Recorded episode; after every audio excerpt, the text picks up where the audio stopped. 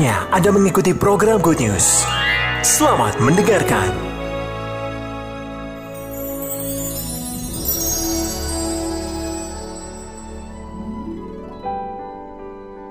Shalom.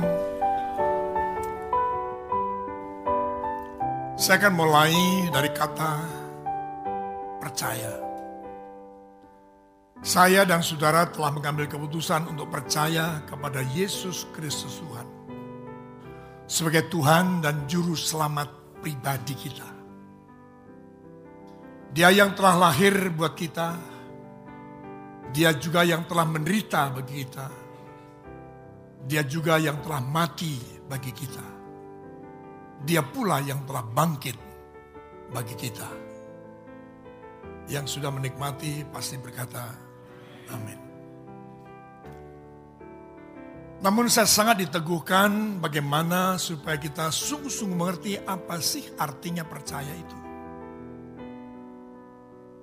Yang ternyata percaya itu harus sebagaimana dalam hukum kasih. Kita harus percaya dengan segenap hati, jiwa, akal budi, dan kekuatan kita. Pengambilan keputusan untuk percaya itu perlu di follow up. Melalui tindakan-tindakan, perbuatan-perbuatan, atau cara hidup kita yang baru. Percaya tanpa perbuatan itu tidak ada artinya. Dan kalau kita mengerjakan apa yang menjadi percaya kita kepada Tuhan, maka itulah kehidupan baru kita. Maka kalau kita mengerjakan apa yang menjadi keputusan percaya kita kepadanya, itu perlu perjuangan, perlu pengorbanan, perlu melepaskan segala sesuatu yang dulunya kita punya dan sekarang kita mengosongkan diri. Agar ketika kita mengosongkan diri kita akan mendapatkan sesuatu yang baru. Dan ketika itu terjadi, demikianlah kita sekarang telah hidup. Bukan lagi oleh logika. Bukan oleh lagi cara hidup kita yang lama. Bukan lagi oleh karena sesuatu yang terjadi di seputaran kita. Situasi, kondisi. Yang secara panca indera kita menangkap, merasakan. Tetapi kita sudah mulai hidup dengan iman. Artinya saya mau mengatakan bahwa tidak lagi saudara yang percaya, yang telah hidup menjalani melalui perbuatan, yang di follow up melalui perbuatan-perbuatan, yang telah hidup sebagai orang yang beriman kepada Yesus Kristus, mudah dipengaruhi oleh situasi dan kondisi. Baik lingkungan, kota, bangsa, dunia, bahkan situasi kondisi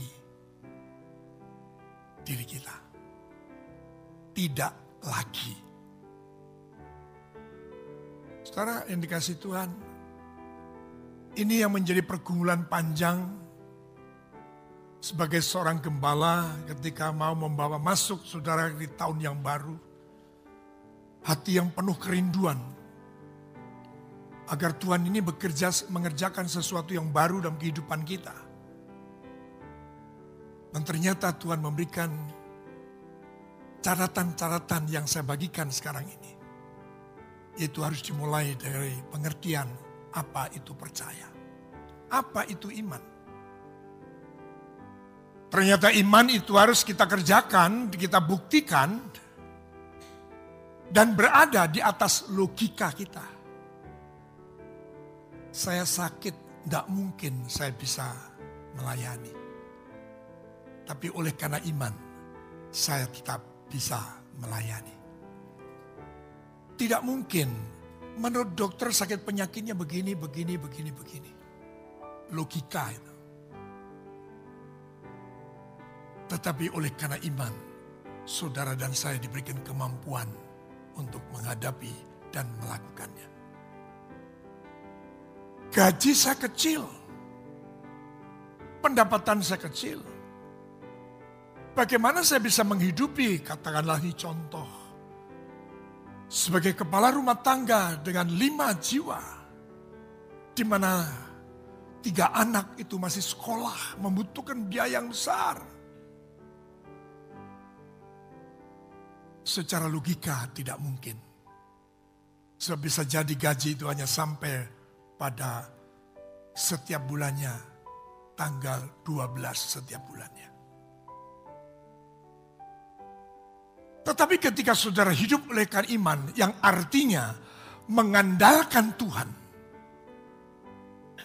Saudara masuk pada area yang disebut bagi orang percaya tidak ada yang mustahil. Ini hari Rabu. Kemarin saya melayani di satu perusahaan. Sebelum firman Tuhan saya bagikan ada dari antara mereka sedang bersaksi. Dia menyatakan gajinya berapa, suaminya gajinya berapa dan sebagainya. Dua anak. Selama itu dia di rumah itu kontrak dan sudah sekian kali pindah kontrak. Tapi ketika kemudian di tahun 2019 suami istri ini berdoa dan mulai diteguhkan langkahnya untuk ke depan ini tidak akan ngontrak lagi. Mereka diteguhkan untuk bisa membeli sebuah rumah yang tentunya Ternyata selengkapnya adalah rumah yang sederhana dan perlu renovasi. Dan mulailah mereka melakukan. Dan Tuhan membuka jalan ketika mereka di tahun 2019 sudah bisa beli rumah. Tapi harus merenovasi. Karena rumah yang dia beli itu ada berada di Surabaya Utara. Gedung-gedung lama di sana. Sehingga tidak layak untuk ditempati.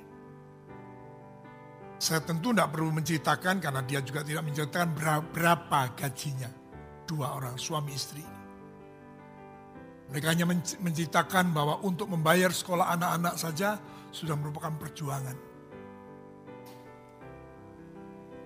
Tetapi oleh karena mereka yang di mana perusahaan ini sering kali saya juga mengisi, melayani dalam perusahaan ini.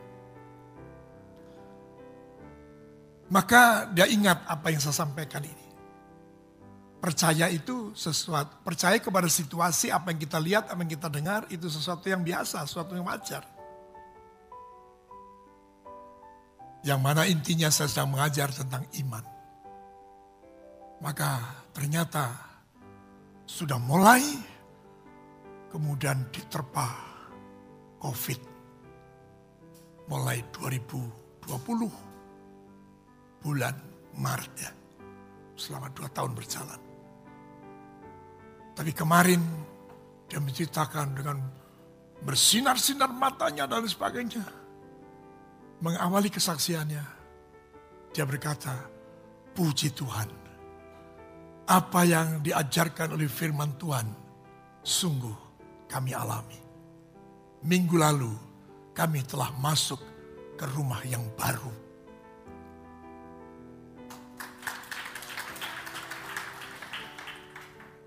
Sekali lagi iman itu harus kita hidupi. Harus berada di tingkat yang lebih tinggi dari logika. Demikian apa yang saya sampaikan dalam renungan kata hati tadi pagi. Melalui kelemahan diri kita yang harus kita akui dan sia jujur. Maka ternyata itu kalau kita akui di hadapan Tuhan, dan kita tetap hidupi firman Allah yang diajarkan, maka justru dalam kelemahanlah kuasa Tuhan itu sempurna. Berikan kembali kita. Kita baca lebih dulu lengkapnya. 2 Korintus 12 ayat 7 sampai 10. 2 Korintus 12 ayat 7 sampai 10.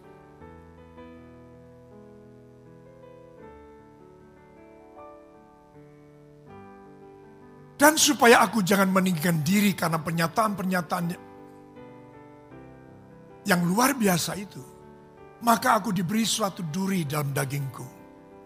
Yakni seorang utusan iblis untuk menggocoh aku. Supaya aku jangan meninggikan diri. Delapan. Tentang hal itu aku sudah tiga kali berseru kepada Tuhan supaya utusan iblis itu mundur daripadaku. Tetapi jawab Tuhan kepadaku, cukuplah kasih karuniaku bagimu. Sebab justru dalam kelemahanlah kuasaku menjadi sempurna. Sebab itu terlebih suka aku bermegah atas kelemahanku. Supaya kuasa Kristus turun menaungi aku. Karena itu aku senang dan rela di dalam kelemahan, di dalam siksaan, di dalam kesukaran, di dalam penganiayaan, dan kesesakan oleh karena Kristus. Sebab jika aku lemah, maka aku kuat. Kita ulangi ayat terakhir ini. Satu, dua, tiga. Karena itu aku senang dan rela di dalam kelemahan, di dalam siksaan, di dalam kesukaran, di dalam penganiayaan, dan kesesakan oleh karena Kristus.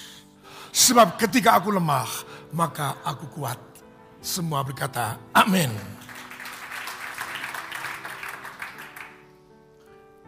Kalau saudara membaca tokoh-tokoh nama-nama Alkitab, tokoh-tokoh dalam Alkitab, maka sebagian besar daripada nama-nama yang disebutkan dalam Alkitab itu dipilih Tuhan justru dalam kelemahan mereka.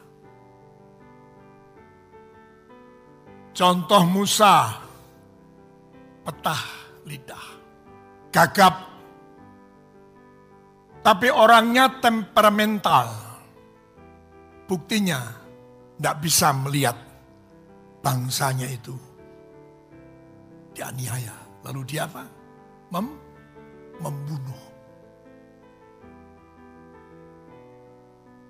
Saudaraku, masih banyak lagi yang lain Bukan saja kalau lihat Musa saja begitu banyak.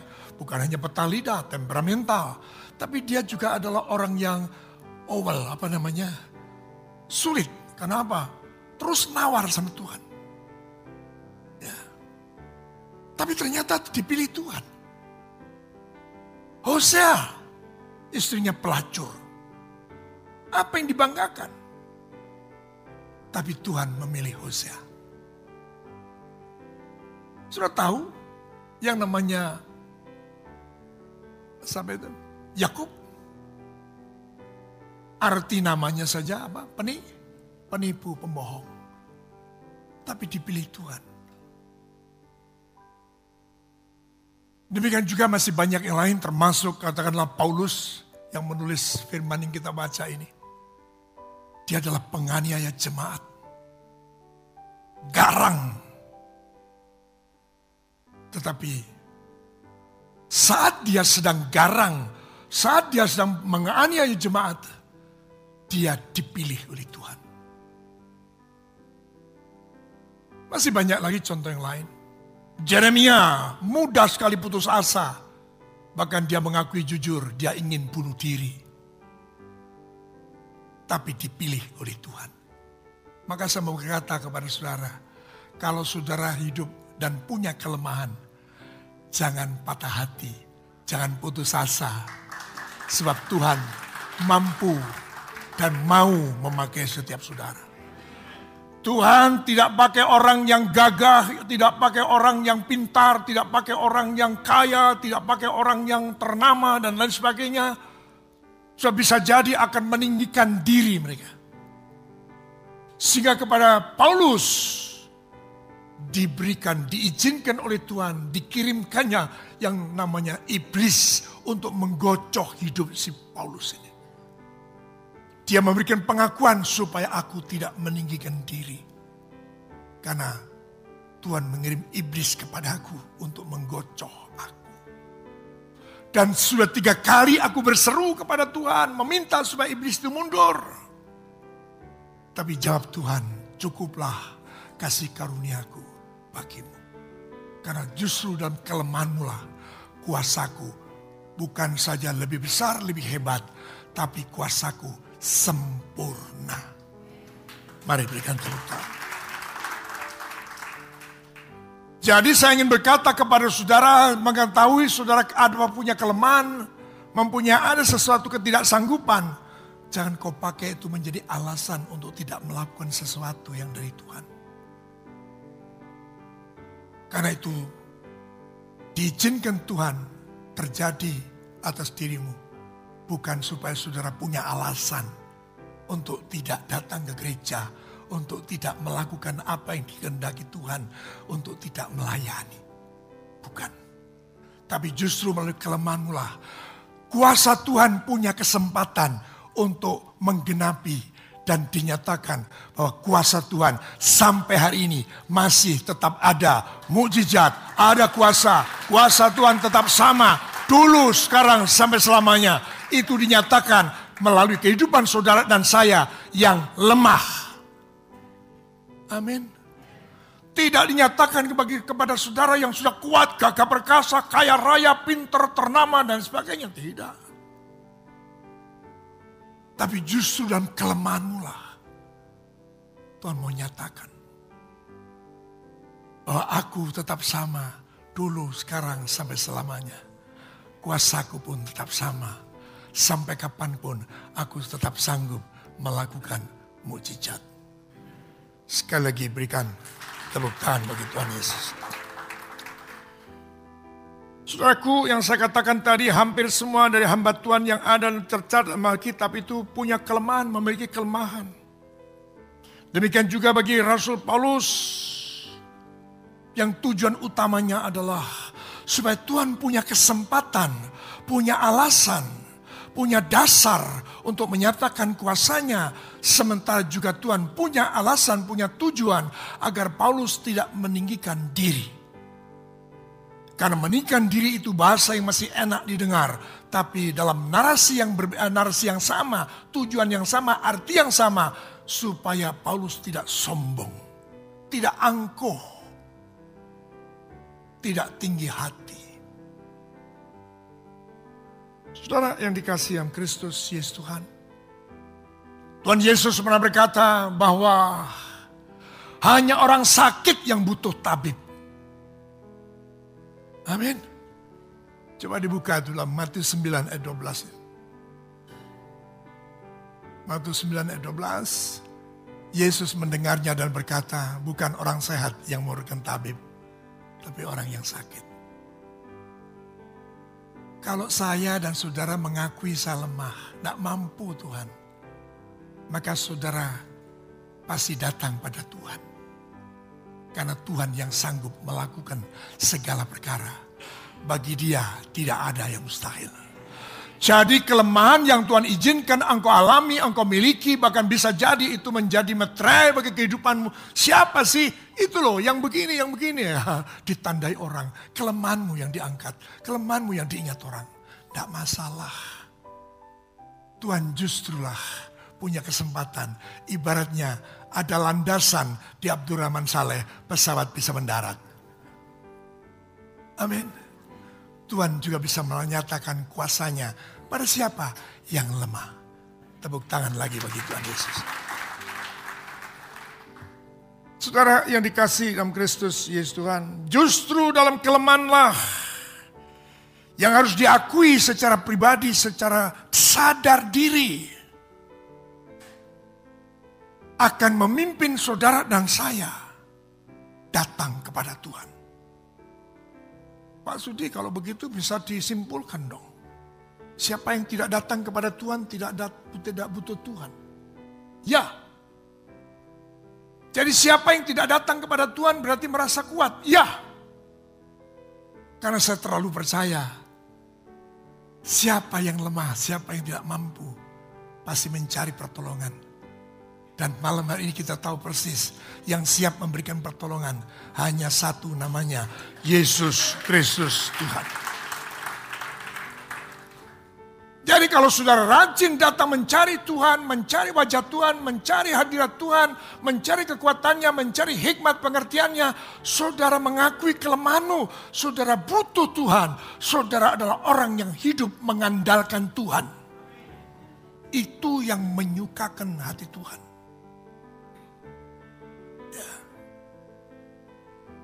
Saudara yang dikasih yang Kristus, Yesus Tuhan. Justru dalam kelemahan itulah, ketidakmampuan itulah yang kita akui dengan sadar diri. Itu memimpin langkah saudara untuk datang kepada Tuhan. Ini yang harus kita simpulkan, yang harus kita sadari untuk kita lakukan.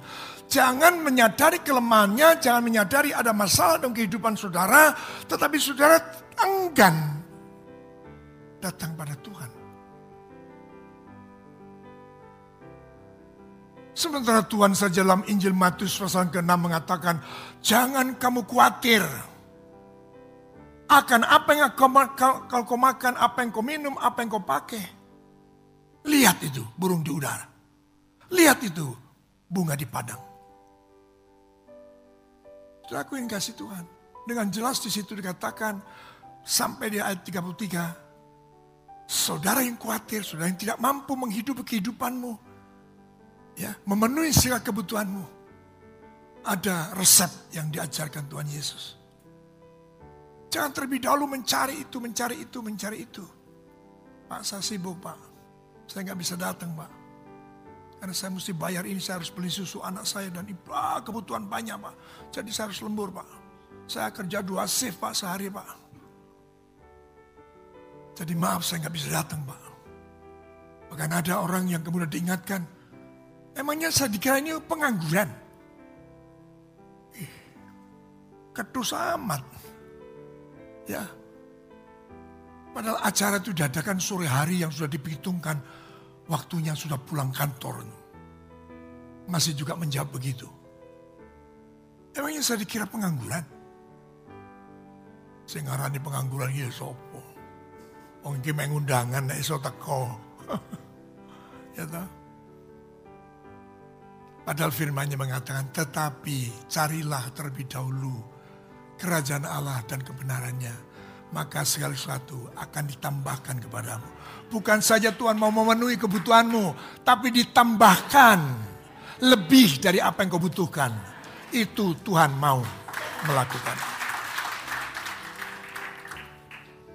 Maka saya ingin menyampaikan apa sih konsekuensi menjadi orang percaya yang saat ini sudah katakan dalam pendahuluan harus hidup oleh karena iman. Iman itu ada empat manifestasinya. Ada empat hal yang harus dikerjakan. Ada empat hal yang harus dibuktikan. Yang pertama-tama adalah percaya sungguh-sungguh kepada Yesus sebagai Tuhan dan Juru Selamat pribadi. Pribadi, bukan hanya keluargaku yang percaya, bukan Suamiku yang percaya, istriku yang percaya, bukan pribadimu. Yang kedua, sudah punya cara hidup yang baru sebagai follow up daripada pertobatan. Seperti sering kali saya katakan, semula menghadap ke barat, sekarang balik kanan gerak. Bukan balik kanan jalan, ah, bukan balik kanan gerak, tapi balik kanan jalan. Semula ke barat, sekarang berjalan ke arah timur. Ada follow up. Ada sesuatu yang baru yang kita kerjakan. Yang ketiga, hidup taat dan setia pada Yesus dan firman-Nya. Itu yang namanya iman. Dan yang keempat adalah hidup mengabdi hanya kepada satu Tuhan, yaitu Yesus. Tidak ada orang akan bisa mengabdi kepada dua Tuhan kepada Yesus, tapi juga kepada ma, Mamun. Tidak bisa. Jadi manifestasi daripada pengakuan kita, aku hidup oleh karena iman. Ada empat perkara ini. Saya ulang baca satu, apa tadi? Pak Renggi. Percaya dengan sungguh-sungguh kepada eh, kepada Yesus sebagai Tuhan dan Juru Selamat pribadi penolong saudara. Ada apa-apa lapor dia, ada apa-apa datang kepada dia. Tidak kepada yang lain. Yang kedua mempunyai cara hidup yang baru. Yang ketiga sebagai follow up daripada pertobatan. Yang ketiga adalah hidup taat dan setia kepadanya. Kepada firmannya. Yang keempat mengabdi hanya kepada Tuhan. Tuhan Yesus. Satu Tuhan tidak Tuhan dan Mamon. Tapi hanya Yesus.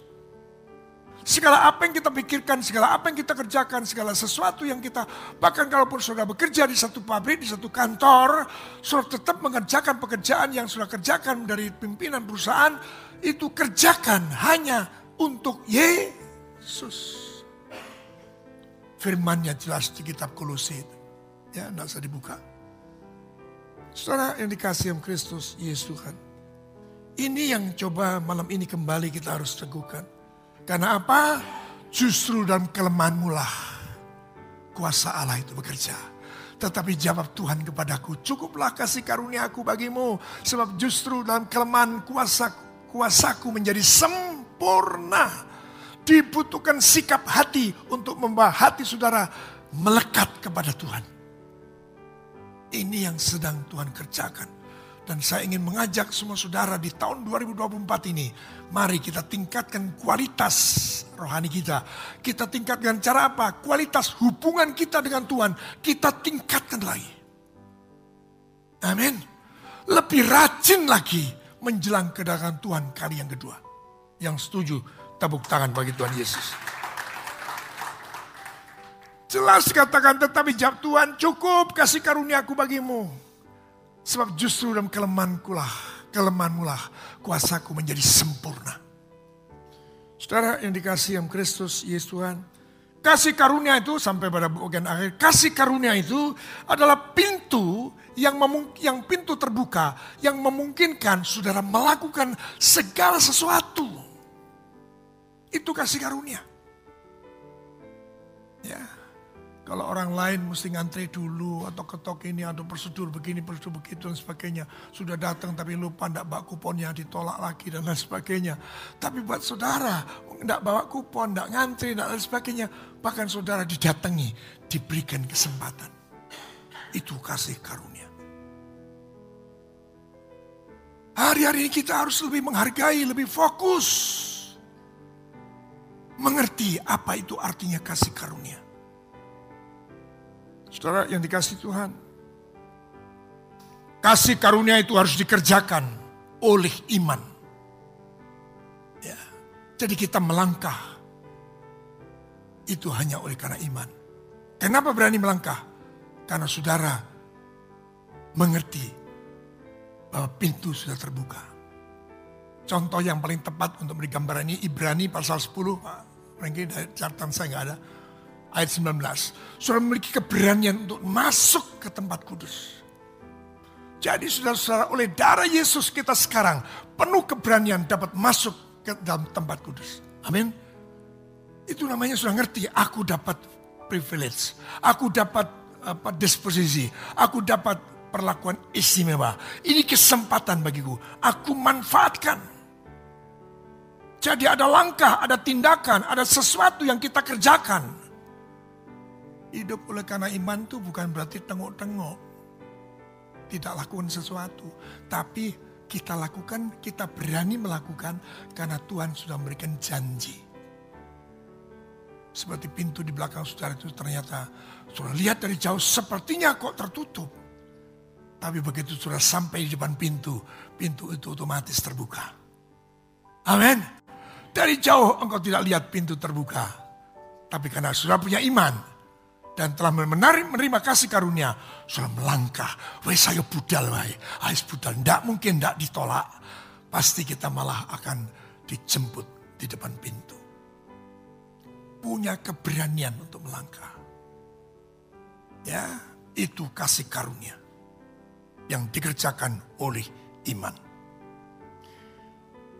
Demikian juga saudaraku yang dikasih Tuhan dalam Roma pasal 3 ayat 24. Roma pasal 3 ayat 24. Oleh kasih karunia telah dibenarkan dengan cuma-cuma karena penebusan dalam Kristus Yesus.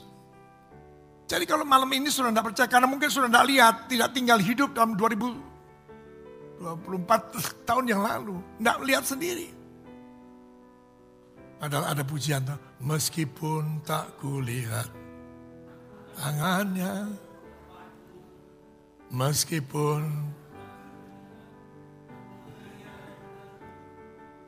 Meskipun tak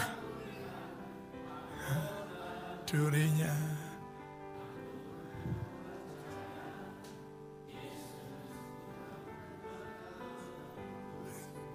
Puji Tuhan. Sekarang ayat pas, pasal 5 ayat 2. Oleh, oleh dia kita juga beroleh jalan masuk. Oleh dia kita beroleh jalan masuk. Oleh iman kepada kasih karunia ini. Di dalam kasih karunia ini kita berdiri dan kita bermegah dalam pengharapan akan menerima kemuliaan Allah. Tepuk tangan yang panjang bagi Tuhan Yesus Kristus. Artinya sekarang perlu kehidupan saudara sekarang ini membuktikan saudara sudah punya iman, saudara sudah memiliki kasih karunia, mendapatkan anugerah, mendapatkan kesempatan. Tinggal sekarang pembuktian. Catatan saya pada akhirnya Pak, Pak. Saatnya kita membuktikan ya dan menyatakan integritas kita kepada Yesus Kristus Tuhan bahwa pengiringan dan pelayanan saudara dan saya ini hanya oleh karena kasih karunia, hanya oleh karena kesempatan, hanya oleh karena perkenanan Allah. Amin. Wow. Luar biasa. Kalau perkenanan itu sebagai anugerah, sebagai kesempatan, tidak saudara manfaatkan Ya artinya saudara melewatkan. Maka mendadak ini saya diingatkan firman Tuhan kalau tidak salah ini. Coba benar enggak? 2 Korintus 2 Korintus 16 ayat 1 apa Pak? 2 Korintus 16 ayat 1. 16 ayat 1. 2 Korintus eh sorry 13 terakhir ya. Ini loh perkenanan ini, perkenanan ini. Hari inilah keselamatan itu, perkenanan itu. Hari ini, pokoknya dua Korintus. dua Korintus berapa? Ya, sambil sambil jalan saya akan lanjutkan. Ini saatnya pembuktian dan menyatakan integritas kita kepada Yesus. Jadi semua fasilitas sudah disediakan. Pintu sudah terbuka. Sudah melangkah. Tidak ada yang mendakwa saudara. Tidak ada yang bisa menghalangi saudara. Tidak ada yang bisa membatalkan saudara. Eh? 6 ayat 2, oke. Okay. 6, oh bukan 16. 2 Korintus 6 ayat 2. Sebab Allah berfirman, pada waktu aku berkenan, aku akan mendengarkan engkau dan pada hari aku menyelam, dan pada hari aku menyelamatkan, aku akan menolong engkau. Sesungguhnya waktu ini adalah waktu perkenanan itu. Sesungguhnya hari ini adalah hari penyelamatan itu. Amin. Artinya jangan ditunda besok. Oh sekarang bisa dilakukan. Sekarang bisa datang ke MC because besok hari Minggu datang, hari Sabtu bisa datang doa puasa kok. Besok Jumatnya bisa datang kan mana doa kok. Minggunya bisa datang ibadah kok. Ya, jangan ditunda. Memang minggu masih minggu depan juga ada minggu, bulan depan juga ada minggu. Tapi Tuhan berkata, perkenanan Tuhan itu kapan? Hari ini. Ya. Yang artinya jangan ditunda. Seringkali segala sesuatu sudah difasilitasi oleh Tuhan. Kemenangan pun sudah dijamin. Tapi siapa yang menunda? Tuhan tidak pernah menunda. Saudara dan saya ini yang suka menunda. Karena apa? Menangkap anugerah ditangkap dengan pengertian yang salah. Karena anugerah, anugerah saya pikirkan itu ah bisa tak pakai besok. Saya masih ingat, mungkin beberapa tahun yang lalu pada waktu ribut ada COVID, saya akan dapat bantuan sebesar 500 juta rupiah. Tapi dalam bentuk voucher. Itu ya, yang dulu saya pakai ke Ternyata saya itu nyimpan satu satu benda di laci kelewatan tanggalnya. Padahal nilainya itu biro 10 juta. Hah? lewat. Itu berlaku semua itu anugerah kasih karunia itu hari ini. Now. Ya, bukan besok, bukan apa? Coming soon, bukan. Tapi hari ini. Maka akhirnya saya mengatakan karena sudah mengerti ya apa itu kasih karunia.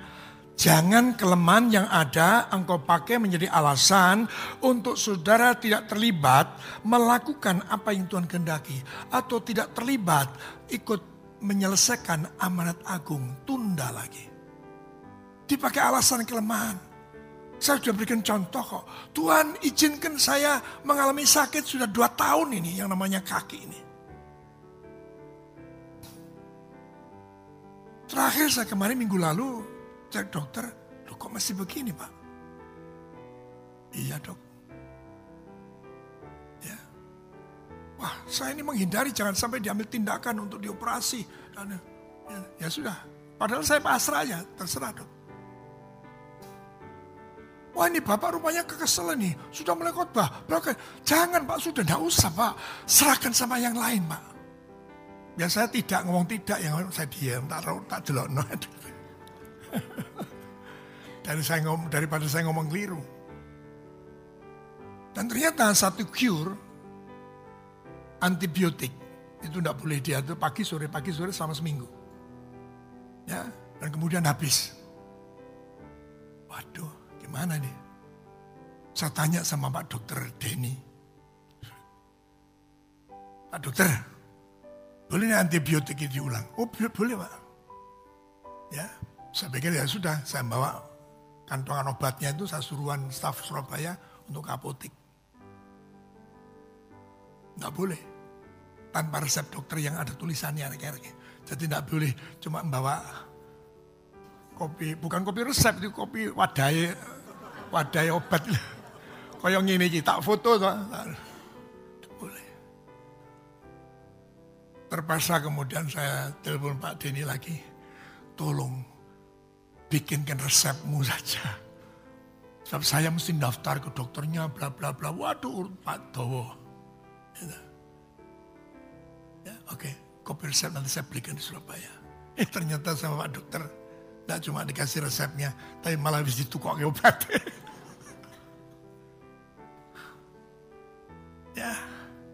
Sampai dua kali ini saya tadi baca duduk di sini, anak saya yang Jakarta tanya, Bapak piye kakinya? Di grup keluarga tuh. Saya belum jawab, sudah dijawab sama ibunya. Masih sakit dek, Bapak masih pincang-pincang. Rupanya merah kakinya tuh, berarti masih meradang. Sudah dua cure, obat antibiotik, tapi juga belum sembuh. Doa no dek. Aduh. Saya cerita ini karena apa saya mengatakan. Saya tidak pakai alasan untuk tidak melayani.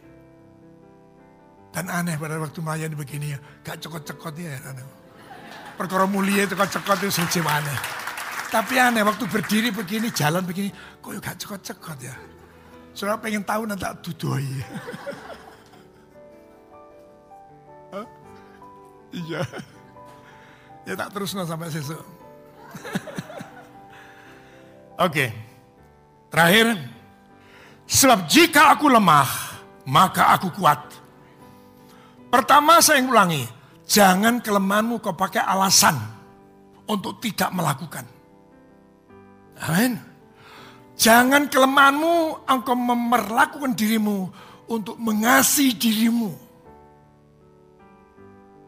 Beri kesempatan kepada Tuhan yang mengasihi dirimu. Bukan dirimu mesti mengasihi dirimu. Ya. Izinkan saja Tuhan yang mengasihi dirimu. Yang setuju berikan tepuk tangan. Pernyataan dalam 2 Korintus 12 ayat 10b itu, sebab jika aku lemah, maka aku kuat. Itu satu pernyataan yang tidak populer. Tetapi demikianlah yang uh, iman kita bekerja oleh karena roh kudus. Itulah iman.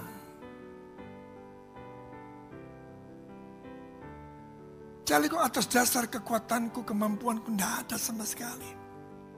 Ya. Sebab jika aku lemah, maka aku kuat. Ini bingung ya. Memang tulisan-tulisannya Pak Paulus ini perlu perlu apa namanya perlu direnungkan lebih dalam. Tapi untung saya sudah bagikan kepada saudara di awal saya khotbah tahun baru itu saya menyampaikan tentang pentingnya fokus dan pentingnya menjalani fokus dengan hati nurani yang murni. Engkau pasti mendapatkan pengertian yang Tuhan maksud. Mari berikan tepuk tangan. Jadi pernyataan yang tidak populer ini tetapi kita harus menyatakan demikianlah memang iman kita bekerja. Tapi bekerjanya bukan karena hebat kita tetapi oleh karena roh kudus yang bekerja di dalam kita. Amin.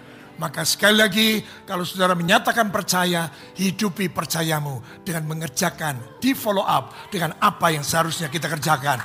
Tepuk tangan yang panjang bagi Tuhan Yesus. Haleluya.